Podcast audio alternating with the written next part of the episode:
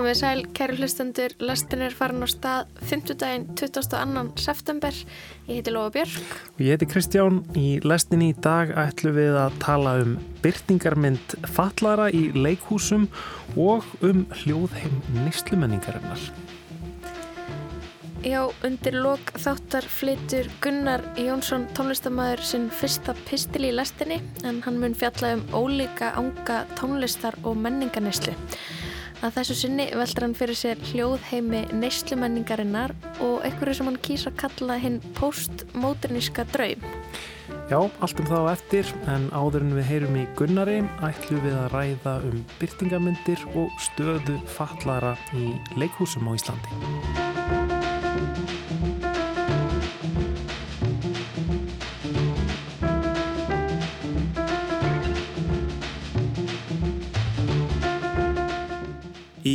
Í gæru í dag hafa skapast líflegar á köplum heitar umræður um, um leikúsgagrinni Nínu Hjálmarsdóttur um söngleikin Sem á himni sem hljómaði viðsjá hérna á Rós 1 á þriðu daginn. Um, umræðunar hafa aðalega snúist um einn ákveðin punkt um, sem snýst um fatlaða personu í síningunni. Nína álítur byrtingamind person, personunar íta undir neikvæðar staðal ímyndir um fatlað fólk af stað sem að sumir aðrir eru þó ósamála. E, en það sem hefur kannski vækið meira umtal er að hún veldir upp réttmæti þess að fölluð persona sé leikin af ófölluðum leikara. Já, í opna umröðahópnum menningar átökin á Facebook hafa, hefur fjölmart fólk úr sviðslistageiranum tekið til máls og tekist á um þessa spurningu þarf nöðsynlega fatlaðan leikara til að tólka fatlaða personu. Og í kjölfarið hafa kveiknað umræður um byrstingamindir fallar á leiksviðinu, aðgengi fallaðs listafólks að leiksviðinu og virðingu fyrir starfi leikara hverja fag er að setja sér í spór ólíkra persóna. Já, til þess að halda áfram þessari umræðu eru komnir tveir góðir gestir, Sólveig Arnarsdóttir, leikona og Inga Björk Margreðar Bjarnadóttir, listfræðingur og föllunaraktivisti, verið velkomnar. Takk fyrir.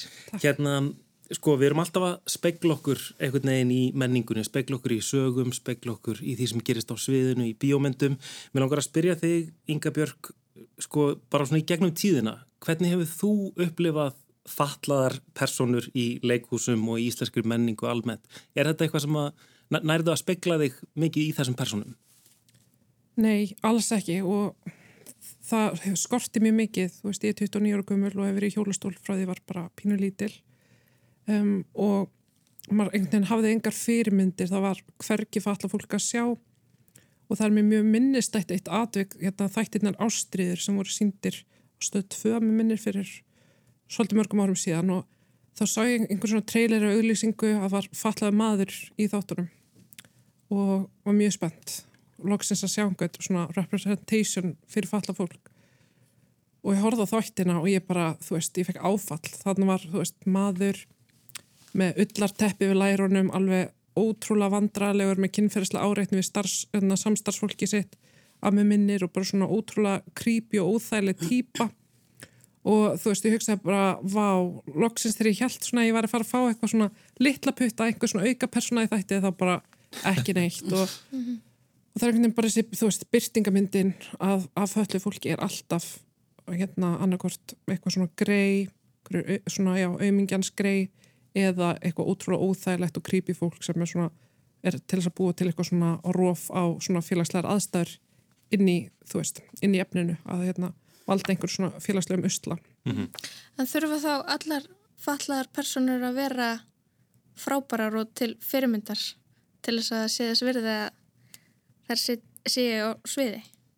Nei, alls ekki sko. Þú veist, það, þetta viljum við bara að falla fólk sé hluti af flórunni sem sérst í aftreyingarefni og menningarefni og þau séu bara breysk eins og annar fólk en sé ekki að ekki all þeirra identity og all þeirra tilgangur sé að búa til eitthvað fyrir ófalla einstaklingin að bregðast við. Mm. Mm. En, en, en hérna var þetta þessa spurningu um, um, um leikara og, og, og sem að tólka fallaða personur, ég minna hinga til hafa lang flestar fallaðar personur í, í menningarefninu okkar verið tólkaðar, leiknar af ófalluðum leikurum. Er það eitthvað sem hefur, hefur stuðað þig?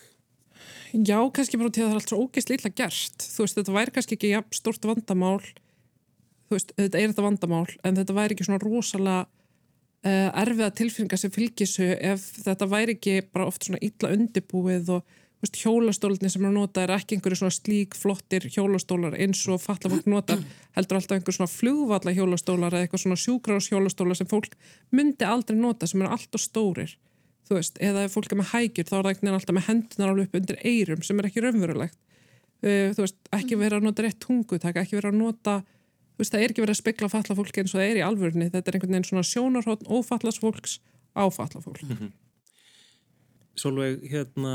þessi, þessi umræða, Ma, maður sér uh, að þetta er erfið umræða Já. fyrir, fyrir hérna fólk í, í sviðslista gerunum að taka og leikara. Flest allt sem er áhugavert og nýtt er líka erfitt en það er líka gefandi og finnst algjörlega nöðsynlegt og algjörlega tímabært að við stígum inn í þessu umræðu og mér langar svona áður en lengur er haldið um, að gera alveg skýrt að ég er ekki hinga komin til að tala um uppsetningu þjóðlökhúsins á sem og heimni, ég hef ekki séð síninguna og heldur ekki um framistæða þessa leikara og ekki um þessa gaggríni heldur vegna þess að mér finnst umræðuöfni vera mun stærra en svo að við höfum að smætta það niður í akkurat bara þetta. Mm -hmm. Annað sem ég finnst vera verulega mikilvægt og mér finnst vera ansið mikil rugglingur þar líka í umræðinni er að mér finnst við í rauninu vera að tala um tvo ólíka hluti. Við erum að tala um tvent. Við erum annars vegar að tala um byrtingamindir ákveðina hópa á sviði. Það er þessi ákveðina hópa, þá getur bæði verið að tala um veist, jáðarsetta eða minnilöta hópa en líka bara konur mm. eða bara byrtingamindir, þú veist, miðaldra kvítaða kallmanna á sviði, bara hvernig byrtast hópar okkur á sviði það er eitt hitt er svo, sko, hverjir hafi rétt innan gesalappa til tólkunar á þessum hópum mm.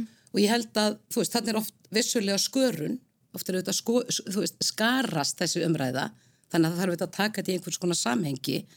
En mér finnst mjög mikilvægt að skoða ef við skoðum byrtingamindir að þá er áhugavert að velta fyrir sér bara undanfærir 50 í talinu ekki um sko 30 árt með byrtingamindir hvenna á sviði. Og ég held að svona flestir myndi árið taka undir það að það hvernig við sjáum konur á sviði í dag er mjög ólíkt því sem við sáum þar kannski fyrir 30 eða 50 árum sem að stafar auðvitað bara því að samfélagið er annað og réttinda barátt að hvenna hefur skilað okkur þangað að við viljum portræra konur öðruvísi í dag, líka bara vegna þess að það eru fleiri konur sem koma inn í leikhúsin sem leikstjórar, meðveitun leikkvennanna er líka önnur, þannig að þú veist, þarna hefur orðið mjög mikill munur. Mm -hmm. En það eru líka vegna þess að konur hafa fengið sínileika eða við sjáum þær meira, samfélagi sé þær, er hlustað á þær og nú held ég að við hljótum bara að vera komin sko á þann stað að það eru auðvitað líka mjög margir aðrir hópar í samfélaginu sem við ekki sjáum á sviðinu. Mm. Eða það er að segja byrtingamindir þessara hópa á sviði samsvara ekki raunveruleikanum. Mm. Samsvara ekki og það eru hópar sem eru með að krefjast þess að á þá sérlustað og að við sjáum þá. Ekki bara sínileika síns, heldur að við líka opnum augun og sjáum hvort sem það eru fatlaðir eða útlendingar hinsegin fólk, skiljið, þetta gildur um mjög marga mm. og nú verðum við í leikvúsinu auðvitað bara aðeins að taka þetta inn og velta fyrir okkur, þú veist, ég meina það er ekkert langt síðan að ég bara sá í íslensku leikhúsi, þú veist, verið að gera grín að útlendingum að þeir tala ekki nógu góða íslensku og eru með svo mikinn hreim, þannig við erum að gera grín að þeim og hlæja að þeim að þeir einhvern veginn tala ekki íslensku eins og bara þeir getið rækið báðarættir í húnafæsíslunar mm -hmm. og meðan eitt sjötti landsmanna eru útlendingar þú veist, þetta er auðvitað bara þú veist, við verðum líka bara að taka þetta inn mm -hmm. Má ég spyrja út í eitt svolveg mm -hmm. þegar þarna ynga voru að segja að það sem tröflarna líka er hversu illa þetta er gert mhm. þegar leikarar er að ófallaði leikarar er að leika fallaði einstaklinga Já. og þetta Björgvistóttir talar um inn á, á menningarátökunum mm -hmm. að það sé ekki uh, verið að byrja virðingu fyrir fæi leikarans mm -hmm. leikarar fara að læra í mörg ár já. og púsa einhverja listina sína, skilur er það kent í leiklistaskólum að leika falla fólk?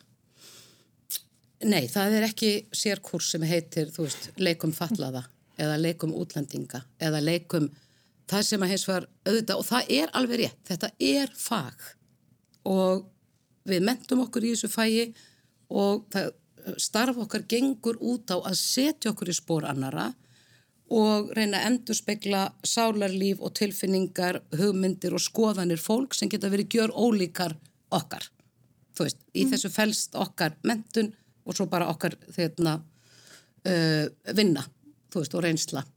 Um, en það lítur að koma eitthvað tímanu upp já, í náminu að þú já, en hins vegar er það að sjálfsögðu og það er bara mjög oft sem að hérna, leikar eða leikona stendur frammi fyrir því fá sko rullu sem er mjög ólík eða hefur eitthvað sem er mjög langt frá þér þá er það alveg svona sjálfsögð krafa að viðkomandi sko reyna að kynna sér segjum til þess að það væri fallaður einstaklingur kynna sér bara líf og aðstæður fatlaðra eins vel og mögulega er hægt. Mér finnst þetta eins og að líka allt í lega að segja eigum við að aðtuga hvort það er eitthvað fatlaðin einstaklega sem getur gert mm. þetta. Eða tjekka á því. Mm. Og er það gert? Ég, ég, nei, ég held ekki. Ég veit það ekki. Ég, veist, Mér finnst þetta líka bara svolítið um að skjóta inn í svona virðingaleysi fyrir þöllu fólki sem bara, þú veist, personum að gera alltaf einhvern veginn ráð fyrir því að ófalla fólk sé betra í að leika heldur en ófall heldur en falla fólk en svo komum við að,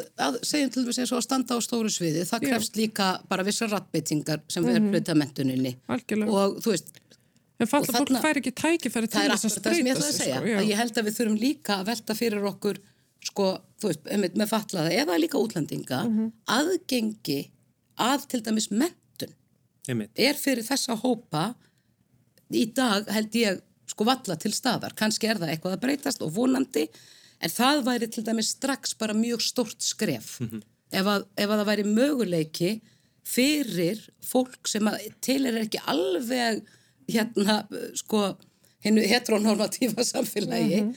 að sækja sér mentun mm -hmm. til þess svo að sko geta Veist, verið á stóra sveiðinu. Og þetta er kannski sko þriðji þátturinn að því að þú greindir umræðina í tvent, annars vegar byrtingamyndirnar og svo hins vegar hver má leika hvern, en þriðji hlutin er náttúrulega hérna, hverjir hafa aðgang að því að leika.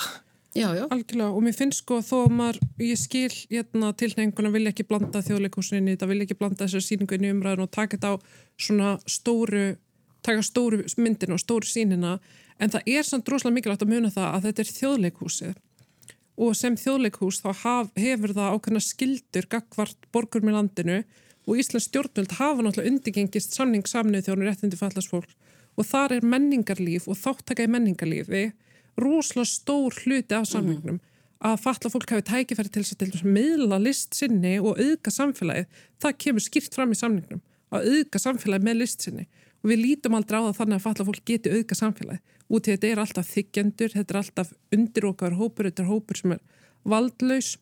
Þannig að auðvitað hefur þjóðleikúsið hérna, alveg eins og rúf og allar ofinbæra stofnanir skildu til þess að afbyggja staðalmyndir. Og þetta kemur bara fram í samningum og þetta er eitthvað sem stjórnvöld hafa algjörlega að sofa verðinum gagvart að þau hafa þarna hlutverka afbyggja að um, ebla virðingu fyrir föllu fólki að auka tækveri fallars fólks og listaháskólinn er náttúrulega sér kapitulis út af fyrir sig því að við erum náttúrulega bara með eitt listaháskóla og þú veist um, ef hann er ekki tilbúin til að taka móti til dæmis fólki með þroskhömlun inn í leikaranámið, þú veist hver alltaf þá að gera það? Mm -hmm. Um, en, og, og, en það lítur líka samt að vera ennþá stærra samingi, ég rætti við manna á þann við reyndum að fá, fá fleiri þáttakundur í það pallbór, það voru margir mjög uppteknir. Hérna, uh, og eitt ein er að tala um sko að þetta snýrst kannski ekki bara um uh, menturinn á þessu efstastíi heldur þyrti að vera á öllum, öllum stegum málsins bara þegar, þegar börn eru að, að, hérna, að taka sín fyrstu skref í alls konar leiklistar, námskeiðum og, og hinn og þessu. Að það verði að vera aðgengi fyrir alla Já, já, og ég minna það er bara svolítið tilnefing að setja fatt að fólk beri bottsjá og þú veist hvernig á það þá enda sviði þjóðleikúsins ef við erum bara með þau í sérdildum og þú mótt hérna spila bottsjá og þú mótt hérna fara í frístund veist, leiðin upp á svið þjóðleikúsins er ekki til staðar mm -hmm.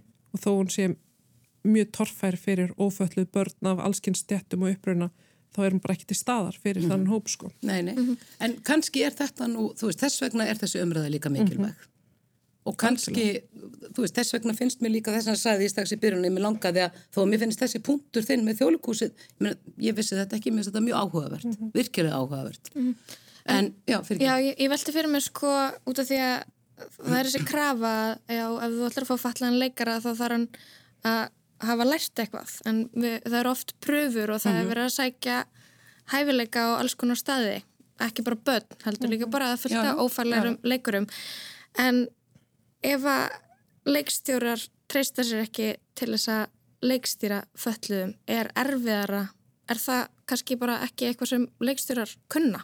Að vinna með fölluðu fólki? En ég, ég, nú bara velti ég fyrir mér, býtu, minnst líka svolítið erfitt að við segjum, tölum alltaf um fallaðis og það sé bara einn hópur, það sem allir eru bara, það getur vel verið að sé til falla fólk sem er bara ógæslega leiðilegt og umurlega erfitt að vinna með, svo bara einhverjur aðrir sem eru alveg frábærir og myndu bara gera, eða skiljiði, bara alveg svo leikarar. Já þannig að þú veist, ég held að það kannski, ég held að það sé eiginlega miklu frekar að þetta er bara ekki komið inn í sko hugarheimin, eða skiljið, það er bara ekki alveg komið, alveg svo okkur dettur ekki í hug að kanna inn í bara pólska samfélaginu sem eru vel yfir 20.000 manns hvort að sé kannski bara þar fólk sem getur alveg leikið Algjörlega. Þú veist, þetta þá kannski alveg að leggja eitthvað ásett til þess að tala íslensku þannig að maður skildana ef að við komandi leikari Nei, þú veist, hlutverk krefst þess að maður tali mm -hmm. bara íslensku þannig að maður skilji það og eigi ekki ekkert einu svona að vera pólveri, ég heldur bara þetta er bara ekver, skilji þetta er bara ekver að leggja guldnarliðinu mm -hmm. þannig bara með aðeins pólskan hreim þú veist, mér finnst bara mjög eðlilegt til dæmis eftir tíu ár að í báðum stóru leikhúsunum væru á samningi leikarar sem eru þó ekki bara að leika útlendinga eða ekki bara að mhm. leika fallað fólk heldur væru bara að vinna í húsunum mm -hmm. sem bara listamenn inn í húsunum eins og allir aðrir, eins og allir aðrir. Ég myndi, er ekki svolítið hættan að þegar, þegar fólk kemur inn segjum, segjum leikari sem er fatlaður eða er, er, er erlenda bakgrunni eða eitthvað að fólk endi einmitt alltaf í þessum kannski hlutverkum mm -hmm. að, að þegar það er alltaf verið að leita að fölluðu fólki, fölluðum leikurum til þess að tólka fallaða personur að, að, að fólk festist í þessu það er náttúrulega bara dæmi um þetta þú veist, sérstaklega í Hollywood það sem eru hérna, eh, leikarar sem eru þú veist, hérna lágaksnir, skilur um, að þeir enda alltaf í einhverju svona mythikal hlutverkum mm -hmm. alltaf hérna Melkvít og Dörgættissi eða einhverjir hobbitar í Lord of the Rings og eitthvað fá aldrei að spreita sér í romantískum gamamyndum út af mm. því að þeir eru ekki séðir sem uh, viðfangs, viðfang ástar, veist það gæti aldrei verið einhvern veginn svo dýnamík þannig að það bara, ef þú ert hérna, þú veist já, smávoksin að þá ertu bara í einhverju svona mythikal galdramyndum eða já. ævintýrum sem ver, gerir það verkum að þú veist, þú ert með mjög einsleitan feril og ert kastar mjög einhaf hlutverk já, mm. þannig að þetta er auðvitað bara mjög þekkt erlendis að fólk dettur inn í svona, onni svona pitti það sem að bara mm. þá, þá langar maður að spurja kannski bara eins út í stereotýpur það er náttúrulega uh, leik, það verist einhvern veginn vera krökt að þeim í leikhúsinu það er og það er ekkert endilega bara í einhverju svona försum það sem við sjáum stereotýpur það er bara í bara mjög mörgum leikritum sem eru settu upp það er bara þessi típa, hún er svona þessi karakter er, er svona bara mm. þessu stereotýpur sem við þekkjum mm. sem viðhalda einhverjum fordómum Vist, er þetta órúvanlegur partur af leikhúsinu? Nei, alls ekki. Að við höldum áfram að ítrekka stereotýpur og fordóma? Nei, alls ekki og ég, ég myndi nú sko aðeins leifa mér mér finnst nú sko leikhúsið ekki alveg afslengt með þetta eins og með bíó eða sjónvarp. Mm -hmm. þú veist, mér finnst maður oftar í leikhúsinu sjá að fólki er kastað í hlutverk sem er aðeins út fyrir þú veist, einmitt einhverja stereotypiska mynd af því hvernig við sæjum við komandi en ég held að það séu þetta leikhúsið þú veist, er hluti af samfélagi og speklar samfélagið. Og um, er þar að leiðandi oft daldi undir sett einhverjum lögmálum sem eru stundum líka bara ímynduð lögmál samfélags. Og ætti kannski bara ofta að vera miklu hugrakkara og þornara að fara út fyrir normið og taka skrefið á undan í staði fyrir að elda og þess vegna finnst mér bara að vera núna mikill kvati til þess innan báða hérna begja eða og, og fyrir norðan líka en aðalega kannski þessara tvekja stóru leikúsa hér í Reykjavík að í rauninni sko opna aðeins á það hvaða listamenn koma inn í húsið. Mm. Því að þú veist, ef maður horfir í kringu sig, við vorum bara að þess að grínast með upp í borgarleikus í gær, við horfum í kringum okkur bara svona í kaffeteríunni, þetta er ekkert eitthvað ofbóðslega fjölbreyttur hópur, sko. Mm -hmm. En mér langar líka svolítið að spyrja af hverju er það svona niðurlegandi fyrir leikara að föllum manneskja geti mögulega, þú veist, ófaglær stíð á, svið en var ekki gilsennegar tilnæmdur til ættuveluna? Veist, hann er ekki fagmenta leikari, skiljið, þú veist. Mér finnst svolítið áhugavert út af því að það, það hefur borið á því, sérstaklega inn í Facebook-hópnum menningar átökin að að fólki finnist þetta einhvern veginn svona a- a- sko vegað sínum starfsheyðri að föllumanneskja sem er ekki faglær taki sviðið og sé köstu í hlutverk þegar þetta er fagstjætt ég ber alveg fulla verðingu fyrir því að þetta er fagstjætt en þessi umræða kemur ekki til dæmis þegar gilseneggarinn tilnæmdur til edduvelurna sem er ekki fagmentaða leikari. Skilji, þannig að þú veist þetta snýst líka einhvern veginn um það. Og við lítum svo mikið á fatla fólk sem hobbyista. Uh, og ég sé þetta bara, þú veist, og myndlistasenunni. Við erum með fatlaða listamenn myndlistamenn sem eru algjörlega framúrskarandi. Þeir fá ekki tækifæri til að sína í listasafni Íslands eða var reyndar í fyrsta skipti hún að Guðrún Guðrún Berg, Bergsdóttir. hún Já, er frænka mín, sko. Já. Sérstaklega börn. þú veist, maður hugsaði bara þetta er, þetta er 15 árum og seint. Já, Þú veist, þetta er 15 árum og seint. Hún á að vera með reysastóra engasýningu já, já, já, En hún er rétt að komast á blað já, og maður bara einhvern veginn svona og ég sé þetta svo mikið, Guðjón Gísli sem býr til að geggju útsumsverk veist, þetta er bara, þetta er ólíkt öllu sem ég hef séð á þur, hann á ekki séns því hann er hérna, með þróskömmlun og bara þú veist, hann, hann mun enginn taka hann gildan út af því að hann er ekki, kemst ekki inn í listháskólan, af hverju kemst hann ekki inn í listháskólan hann er ekki með stúdenspróf, af hverju er hann ekki með stúdenspróf því að fólk með þróskömmlun setja á starfsbreytir, þannig að svona erum við bara alltaf að byggja múra. Ég meina hverju með saman hvort það listamæður sem er stúdenspróf eða ekki? Þetta er bara algjörlega galið. En við erum alltaf einhvern veginn að setja fatla fólk í hennan ramma það geti ekki verið alvöru. Það er alltaf hobbyistar, skiljið Já. hvað ég meina Einmitt. já, En svo langar mig að spyrja, þú veist að tala um að þið hor, hlæ, er að horfa kringum ykkur í, í leikúsunum og, og það er svo ófjölbreytt. En svo kveiknar ykkur umræða og fólk bregst við eins og þetta sé í fyrsta skipti sem ykkur reynir að benda á stöðu fallasfólks á sviði og það er bröðist við í mikill vörn. Af hverju, hver er hræðslan við að tala um þetta? Og, og, og byggja um breytingar? Já, af, já. af hverju sko, mér finnst nú reyndar svona, jú, auðvitað fara kannski einhverjir í vörð, mörgum að því að segja sko hobbyistar, ég held að það sé nefnilega líka eitthvað sem að mjög margir leikarar hafa sérstaklega kannski svona aðeins eldri líka þau ámæli að, að sko okkar starf sé hobby. Þannig að það er líka mörgum leikurum afskaplega mikilvægt að halda því til haga að þetta sé fag. Alvöru, já. Og þetta sé alvöru. Og þetta er, þú veist, háskólamentun sem að eins og hef, fram hefur komið. En, en hins vegar held ég, þú veist, er ekki bara, er það ekki svolítið eðlileg og mannleg viðbröð ef þeir finnst að þeir vegið að fara í einhverja vörn?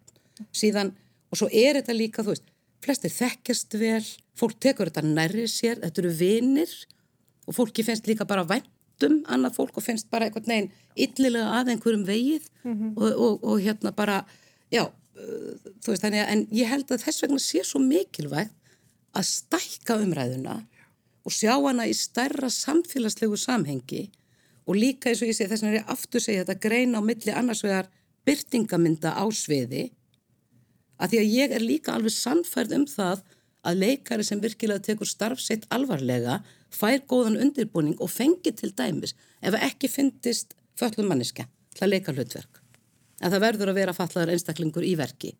Þá held ég til dæmis að það veri bara mjög óskandi að það væri þá fengin inn fallaður einstaklingur með eitthvað svipaða föllun sem að gæti þá líka aðstóðað og leiðbeint. Þú veist, það væri svona, skilur, er reynd bara að vanda sig einhvern veginn eins mikið og hægt er. Þannig að þú sérð alveg fyrir þér að, að, að, að ófallaður geti leikið fallaðan og Ingeborg, er þú líka sammála því? Sko, já, mér finnst það alveg geta gengið og mér finnst það bara, en einhvern veginn á þessum staði í sögunni þegar mm. falla fólk fær engin tækifæri og er ekki sínilegt og er svona jáðarsett, þá, þá sé ég kannski ekki alveg tilgangin í því því að núna finnst okkur ekkert skrítið að haldur að gera þar hars leiki buppa, skiljiði, Mhm. en Akkur ekki. þú veist, út af því að það, það er bara svolítið að vera að segja mörkin, þú veist, bara leifa fólki af öllum kynjum að tólka og þú veist, okkur finnst ekki óþægild að hérna Siggi Sigurjóns fari í, í, þú veist, í hlutur konu og eitthvað svona, svo lengi sem það er auðvitað gert að virðingu allt svoleiðis en, en en við erum kannski bara svolítið að þeirri stað okkur finnst óþælt að hvít manneskja leiki svarta mannesku út af þessari valdadýramík mm -hmm. skilji, mm -hmm. og við erum ennþá með þessar svona, stela í hver, hvergi erum við með meira valda ójafægi heldur en föllu ófallaður út af, út af hvernig samfélagi byggtu og... En, en, en, en nú, nú hafa margir verið að spurja til dæmis um, hvað með geðfallaða eða með, með fallanir sem eru ekki sínilegar utan á, mm -hmm. utan á einstakling gilda sömu lögmál þar eða, eða þar maður að hugsa um það á annan hva? Það er að öðruvís að vera með líkanlega sínilega föllum? Það er, þú veist, mér finnst droslega erfitt að svara þessu því ég er náttúrulega bara, þú veist, er í hjólastól og það hefur alltaf sérstutar mér í þessi fölli þannig að, veist, ég veit ekki hvernig einhvert fólk upplifir þetta eða, en, en þú veist, það er náttúrulega bara, veist, ég held að stóri veginn, stóra flísin sé hvað þetta er bara oft illa gert mm -hmm. og lélur undirbúningur mm -hmm. og lélætt handreitt og, og bara svona óþarfa stereotýpur for the sake of, þú veist, að byggja upp einhverja svona auðskilda og auðmeltanlega mynd af Já. heiminum. Já. En það sem langar líka svolítið til þess að skjóta inn í um, út í þetta svo ótrúlega áhugaverð umræða þetta sko með að geta sett sér spór annara, þetta er svolítið flókið hugtak vegna mm -hmm. þess að þetta erum við öll alltaf að setja okkur í spór annara og þú veist, bara hluta af okkar svona samfélagslegu samkjönd mm -hmm. og mhm og leikarar aflust færar í því heldur um marga stjættir en þú veist sem föllum manneskja það getur enginn skilið veruleikan þú veist þetta valdleysi og þurfa aðstofa allar aðtæfni daglefs lífs um, ofbeldið sem er svo ótrúlega yfirþrymandi lífi flest fallast fólks um, eibulisman öll þessi litlu atriða sem er mitt hverki gert ráð fyrir er og hverki byrtingamindir þú veist, ekki einu svona bestu vinimann skilur mann, ekki einu svona mm -hmm. fjölskyldamann skilur mann, ekki einu svona makimann skilur mann þannig að afgrætt einhver sem hefur kannski engin tengslu falla fólk að geta sest niður og lesa einhver æfisög og svo bara, já, ok, tilbúin í já. þetta skilið, þú veist, þannig að þetta er svona ég skil svo vel hvað meinar og ég er sammálaðir, en ég er samt líka svona, þú veist,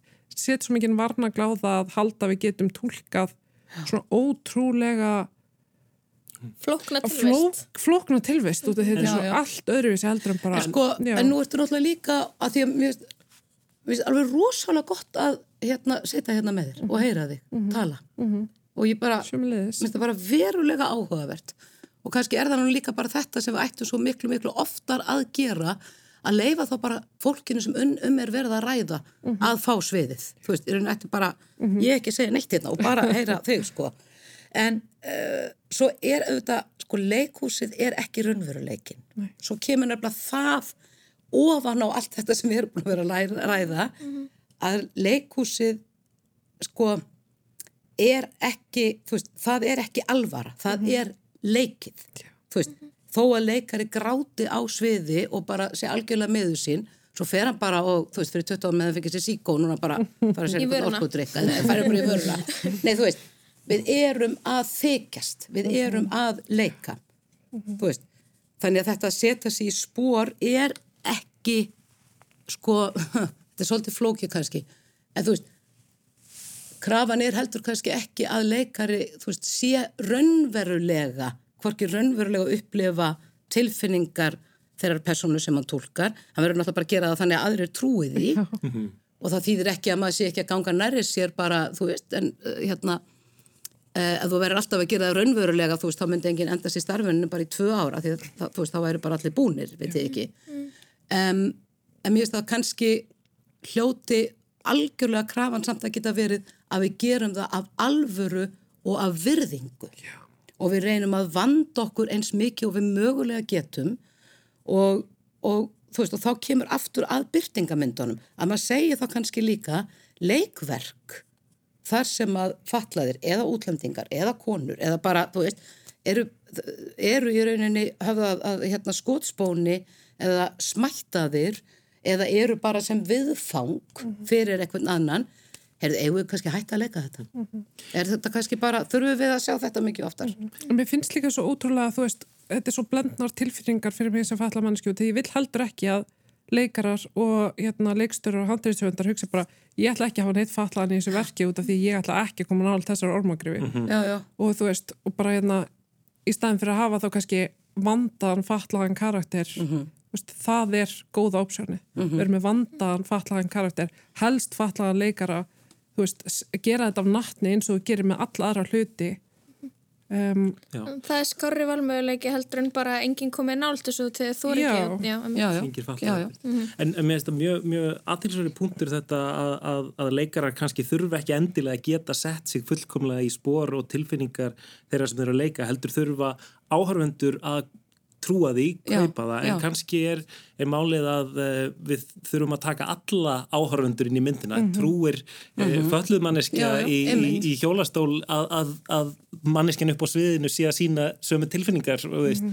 en, en hinga til hefur það kannski bara verið innur ófölluðu á, áhörvendur sem að hafa verið einhvern veginn mælikvarðin trúa þeir að, að fallaða manneskjan hægir sér svona?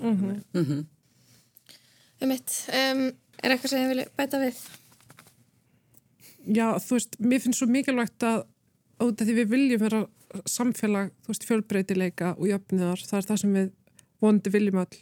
Og þá þarf við þetta listin að endurspegla það líka og listin er ekki stikkfrí. Mér finnst hún svo oft fá að vera það út af því að listamenn eru framsæknir og opnir og, og þú veist, ég upplifði það svo oft í myndlistasenni það er einhvern veginn svona, það gera bara allir ráð fyrir að listamenn og myndlistasennan og allir séu svo rosalega svona inclusive. Þannig að þau eru einhvern veginn svona meira stikkfrí heldur en aðrir ánga samfélagsins. En eigum við, bara þannig við endum þetta svona hér á jákvæðum nótum, ég, ég hef eitthvað sterka tilfinningu fyrir því að við munum sjá miklar breytingar hvað varðar fjölbreytileika bæði innan, innan leikhúsana en líka í kvikmyndum og sjónvarpi. Maður er eitthvað farin að sjá þetta í erlendum serjum sem er áhugavert. Þú veist bara allt í hennu hvað, þú veist, stór aukið hérna bara hlutfall, þú veist, kvenna eða fólk af alls konar, þú veist, kynfáttum sem að koma. Veist, ég held að næsta stóra skref sé að við förum að sjá um eitt fatlaða og mér þætti í rauninu, þú veist, það sem mér þætti áhugavert væri að við myndum setja bara upp, þú veist, hvað veit ég, villega undan eftir Íbsen og ok, hvað heitir hann? Hedvig? Allir, ok, Pétur Gaut, ég mann hvað hann heitir, ég myndi alltaf ekkert hvað hann heitir. Nei, þú veist að við segjum eitthvað sem er ekkert skrifaður fatlaður, en viðkomandi væri bara fatlaður af því að það vil bara þannig til að Pétur Gautur í þessar uppsetningu hann er fatlaður einstaklingur, alveg svo það getur verið kona. Við erum búin að, þú veist, það er alveg fullt af konum búið að leika Hamlet og það gengur alveg upp, það er allt í lagi. Af því að leikhúsið er ekki raunveruleikin. Af því að leikhúsið er stærra heldur en það og á alveg að geta sprengt hérna ymsustu múra raunveruleikans þá á líka hérna bara einhver pólskur leikari að geta leikið bjart í sumarhúsum og Ásta Sólilja getur alveg verið hérna fölluð. En er þessar umræðir ekki búin að vera í gangi rosalega lengi og skortir ekki frumkvæði hjá þeim sem að stjórna í öllum stóru stopnununum og nú erum við bara að tala um leikhús, mm -hmm. þjóðleikhúsi, borgarleikhúsi og listháskólinn hvaðan kemur frumkvæði frá þeim? Ég held að skiptir rosalega miklu máli að það hafi verið Nína sem setti fram þessa gaggrinni því að falla fólk hefur auðvitað sagt þetta ára, árum saman. Þannig að ég er útrúlega þakklátt fyrir það að Nína sagði það sem falla fólk getur ekki sagt á þess að vera skrúnutæst og, og hérna gaggrínt og algjörlega bara tróðið hérna nýri drulluna fyrir að segja nákvæmlega það sem hún sagði í sínum pisli. Þannig að ég er mjög þakklátt fyrir að hún nýtti forréttindi sín. Og við erum náttúrulega að tala um þetta á svona rosalega stórum skala myndir í öllum miðlum og allstar út af því að nú er ófalla fólk byrjað að tala saman um þetta. Og það er það sem við þurfum að halda áfram. Þannig höldum við áfram með þetta samtal að leikarnir fari núna og spyrja sína yfirmenn, spyrja sína samstagsmenn hvað ætlum við að gera, hver er næstu skref? Er þetta bóðalega staða og ef ekki hvað ætlum við þá að gera Þetta eru mjög aðtilsverður umræður sem að munu halda áfram Sólveig Arnarsdóttir og eh, Inga Björk Margreðar Bjarnadóttir. Takk hjá fyrir komin lestina. Takk kærlega Takk.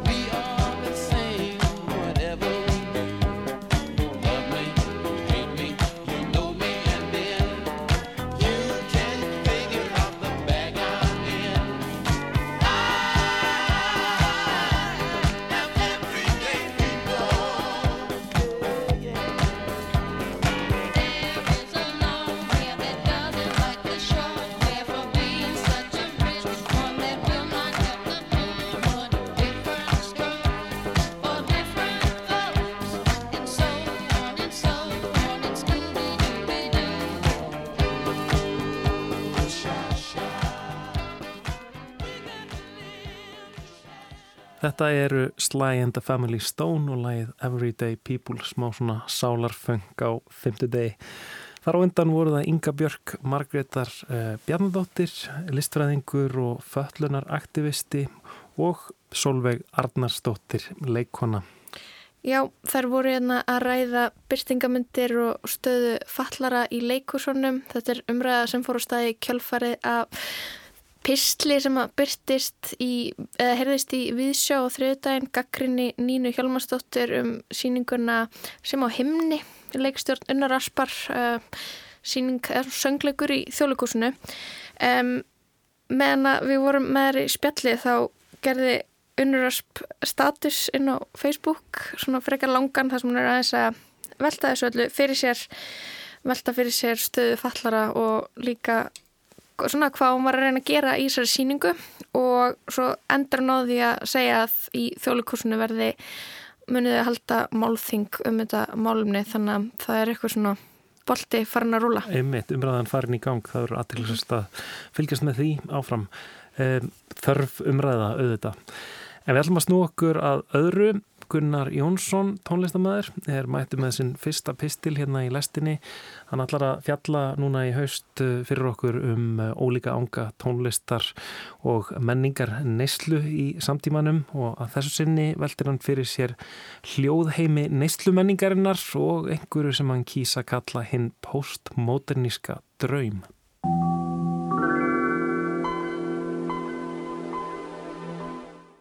Ef þú ert eldri en tvævetur, og hér verði ég að viðkynna að það er vissulega mjög ónákvæm mæleining, en ef þú ert eldri en tvævetur, kæri hlustandi, þá kannast þú samstundis við þetta hljóð hér í upphafi pistils.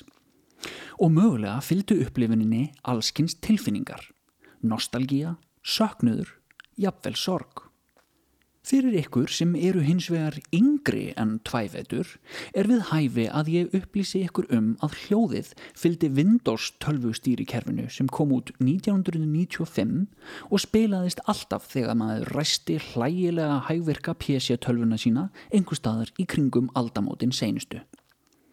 Mér hefur fundist áhugavert að fylgjast með því hvernig afstafa okkar gagvart þessum hljóðum sem voru hluti af neyslu menningu tíunda áratugar síðustu aldar hefur þróast með tímanum. Því það er eins og við situm uppi með öll fyrirbæri fortíðarinnar og það eina sem breytist er afstafa okkar til þeirra eða öllu heldur hvaða merkingu þau hafa í huga okkar. Eitt daginn táknar Windows 95 hljóðið þörran hverstagsleikan og áður nú veist af táknar það glötuð tækifæri. Ef hljóðin sjálf eru táknmyndin sem helst stöðug, þá er tákn miðið, það er að segja merking hljóðana, í sífældri þróun. Árið 1992 gaf stjórnmálarínirinn Francis Fukuyama út bókina The End of History and the Last Man þar sem hann lísti því yfir að með falli kommunismans væri mannkinnið farið að lifa á eins konar handan tímum. Hann lísti því yfir að það væri engin saga lengur. Við hefðum náð endapunkti hugmyndafræðilegar þróunar okkar sem mannkinn. Í baksinn í speiklinum væri fortíðin með sinni mannkinnsögu og átökum austurs og vesturs og núna væri tekið við einhvers konar eilíft kapitalist nú sem ég og þú, kæri hlustandi, svömlum um í. Hvort sem við tökum slíkar hugmyndir alvarlega eður ei, þá er ekki laust við að maður fái það stundum á tilfinninguna að við séum först í einhvers konar postmodernísku ástandi þar sem möguleikin á að hugsa og skapa eitthvað nýtt fer dvínandi. Og í þessu ástandi er æg algengra að sjá listamenn leita í form fortíðar og reyna að finna eitthvað spennandi til að leika sér með. Tónlistarmenn gera þetta reglulega og stundum er upplifunin reynlega óhugnanleg. Stundum er upplifunin það sem ég og fleiri hafa kallað hinn að postmodernísku martröð. Listamæðurinn sínir okkur eftirlíkingu af táknum fortíðar og byður okkur um að upplifa eftirlíkinguna sína á sama hátt og frummyndina sem við sem erum eldri en tvævetur getum hreinlega ekki. Þannig get ég til dæmis ekki farið á gaug á stöngi í dag og hort á rock hljómsveit, matriða rock og roll ofan í mig með öllum sömu reglum og ríktu árið 1995 án þess að fyllast óhug Upplifunin verður andlaus og þrúandi. Hinn postmoderníska martröð. Fyrir um það byrj tíu árum varð hins vegar til öllu ferskari tónlistastefna sem hefur verið kölluð Vaporwave eða gufubilgja. Margir af listamennunum sem gerðu slíka tónlist sóttu efni við í tölvu og neyslumenningu tíunda áratugar síðustu aldar. Þar með talið hljóð eins og Windows 95 stefið sem spilaðist hér áðan, til viðbótar við þurrhinsaða jazz tónlist auðlýsingapakkans og hagnýtt þemu kynningarmyndbanda stórfyrirtækja. Þessi listamenn voru þó nógu klókir til að setja þessi gömlu hljóð í nógu nýtt samhengi til að upplifunin væri öðruvísi en árið 95. Gömul auðlýsingastef voru klift í sundur og hægt á þeim ódýr hljóð fortíðarinnar ykt og skrumskjald með öllum mögulegum leiðum. Útkoman var undarlega ný en á sama tíma gegn sósa í nostalgíu, sorg, ádeilu og oft kaltæðni. Tökum sem dæmi lægið Adventures in Green Footprinting af plötunni Farsight Virtual eftir bandaríska tónlistamannin James Ferraro frá 2011. Lægið er drefið áfram af ódýrasta stafræna pianosándi sem hugsast getur og útkoman er þannig að hlustandin fyllist í mist nostalgíu eða óhug stundum báðum tilfinningum á sama tíma. Við fáum tóndæmi. Thank you.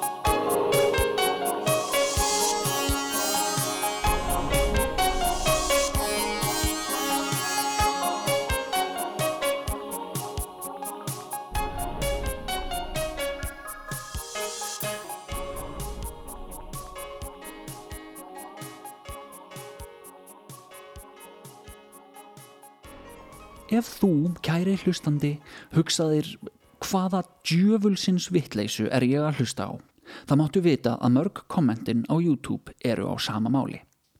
Sjálfum þykir mér þetta lag, ef ekki stór skemmtilegt, þá að minnstakosti mjög áhugavert. Því þetta djöfulsins lag á samt Vaporwave stefnunni í heilsinni táknaði fyrstu tilrunir mannsins á 21. öldinni til að innleiða hljóð ársins 95 inn í tónlist á ný. Og sem slík er Vaporwave stefnan mikilvægt augnablík í 21. aldar list hvort sem þér líkar betur það verð. Á sama tíma er mín helsta gaggrinni á Vaporwave svo að stefnan gata ekki nálgast þessi hljóð nema með kaldhæðinni fjarlægð sem var oft svo mikil að tónlistin virkaði á mann sem köld æfing gáumennisins.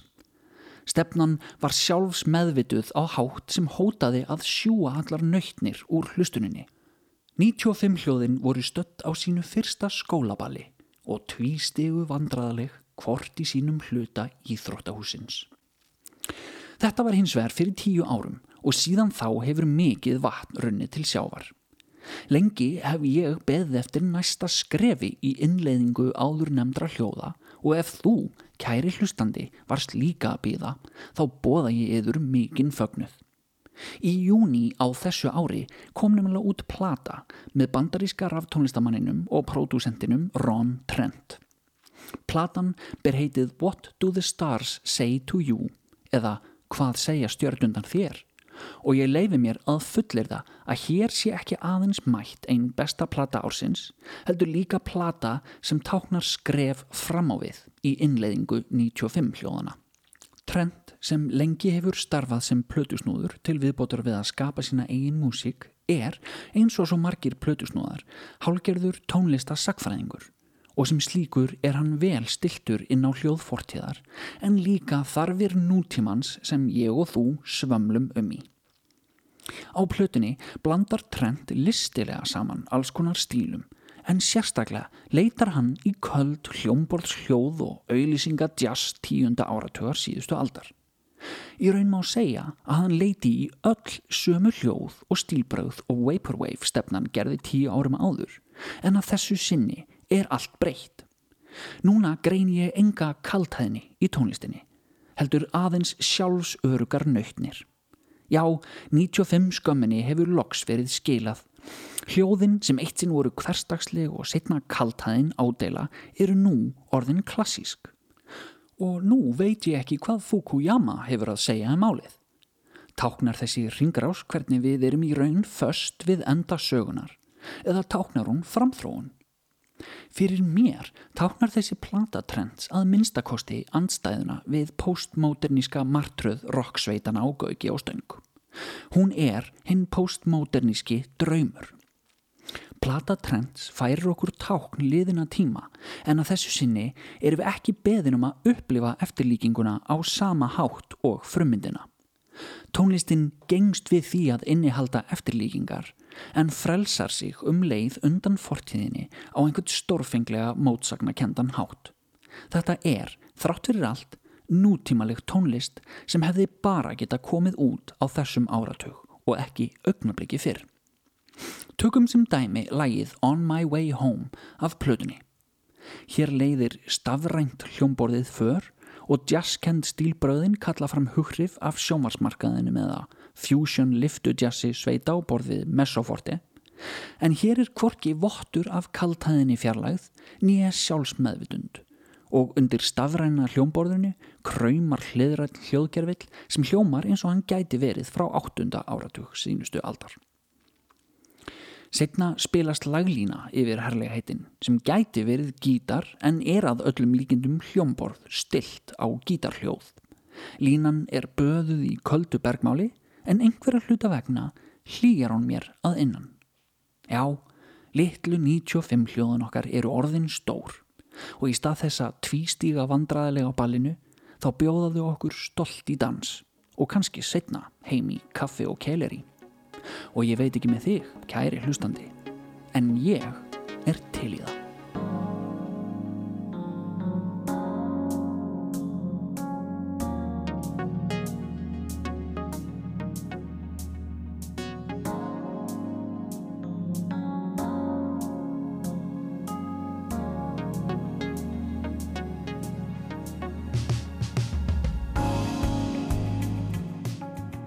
Þannig heyrðum við honum Gunnari Jónssoni, nýjum pislahöfundi lastarinnar. Heimitt talaði um hljóðheim neyslumenningarinnar, eh, Vaporwave tónlistastefnuna og hinn postmoderniska draum eins og hann kallaði það. En Við þar- lifum í honum. Já, nokkulega. En þar með erum við komin að leiðalokum í þennan fymtudaginn og þessa vikuna í lestinni. Já, við verum hérna aftur á sama tíma á mánudaginn við Kristján og Lóa. Þökkum fyrir okkur. Já, tæknum aðri dag var Kormakur Marðarsson. Verðið sæl.